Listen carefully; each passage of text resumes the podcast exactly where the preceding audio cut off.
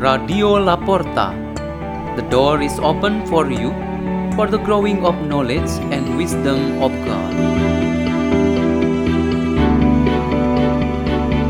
Delivered by Father Peter Tukan SDB from Salesian Don Bosco Gerak in Labuan Bajo, Diocese of Ruteng, Indonesia.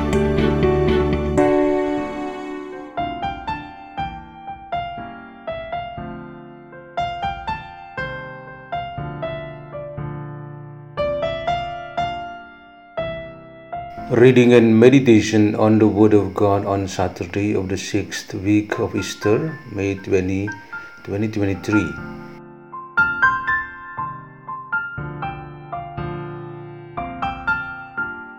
A reading from the Holy Gospel according to John chapter 16, verses 23b to 28. Jesus said to his disciples, Amen, Amen, I say to you, whatever you ask the Father in my name, he will give you. Until now you have not asked anything in my name. Ask and you will receive, so that your joy may be complete. I have told you this in figures of speech.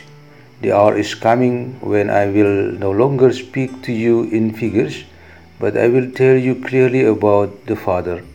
On that day you will ask in my name, and I do not tell you that I will ask the Father for you. For the Father himself loves you because you have loved me and have come to believe that I came from God. I came from the Father and have come into the world. Now I am leaving the world and going back to the Father. The Gospel of the Lord.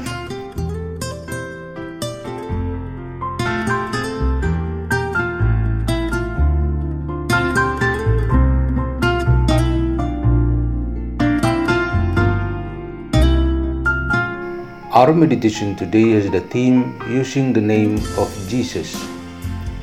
The parish priest is a very special position and ministry for a priest.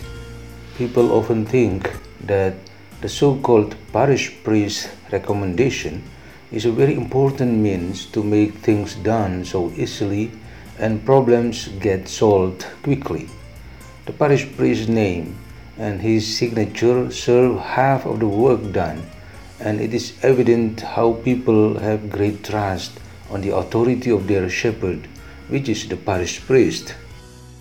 For example, someone wants to send his children to a Catholic school affiliated with the parish, or people who look for jobs at a company owned by a parishioner. They submit the required documents and bring with them the letter from the parish priest, which they believe can endorse their admission. They believe that the will of the parish priest will be the priority. However, in other occasions, for example, people tend to use the name of the parish priest without his consent because they want to justify the argument or the action they want to defend. This is similar to the way we deal with our Father in heaven.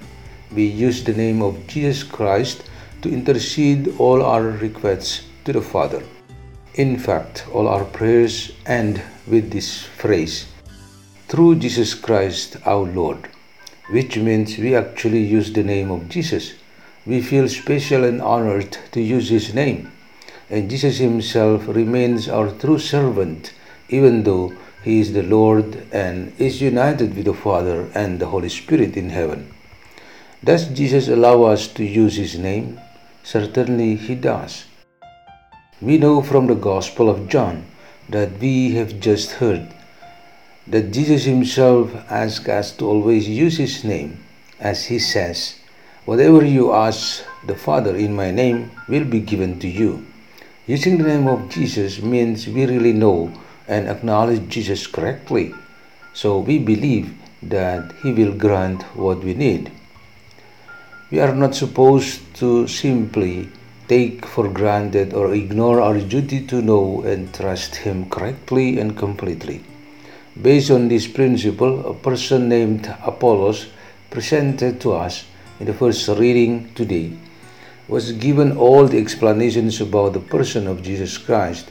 With this way, it was hoped that he could use the name of Jesus correctly in all his preaching activities.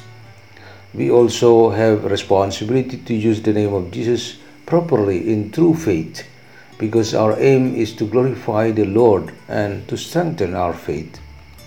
We must be able to avoid using Jesus' name in vain or profane his divine dignity with any form of blasphemies. We must not use the name of Jesus to support all form of violence, evil or cruelty that are against humanity. We must also avoid replacing the name of Jesus with the names of other saints like the Virgin Mary, Saint Joseph, apostles, and many other, because the name of the Son of God, our Lord Jesus Christ, is our only intercessor to God the Father. Let us pray in the name of the Father, and of the Son, and of the Holy Spirit. Amen. O Lord Jesus Christ, strengthen our minds and hearts to always use your name properly every time we pray and ask the Father. May we faithfully keep your commandments and praise you through our submission to the guidance of the Holy Spirit now and forever. Hail Mary, full of grace, the Lord is with thee. Blessed art thou among women, and blessed the fruit of thy womb, Jesus. Holy Mary, Mother of God, pray for us sinners, now and at the hour of our death. Amen. In the name of the Father, and of the Son, and of the Holy Spirit. Amen. Radio La Porta. The door is open for you.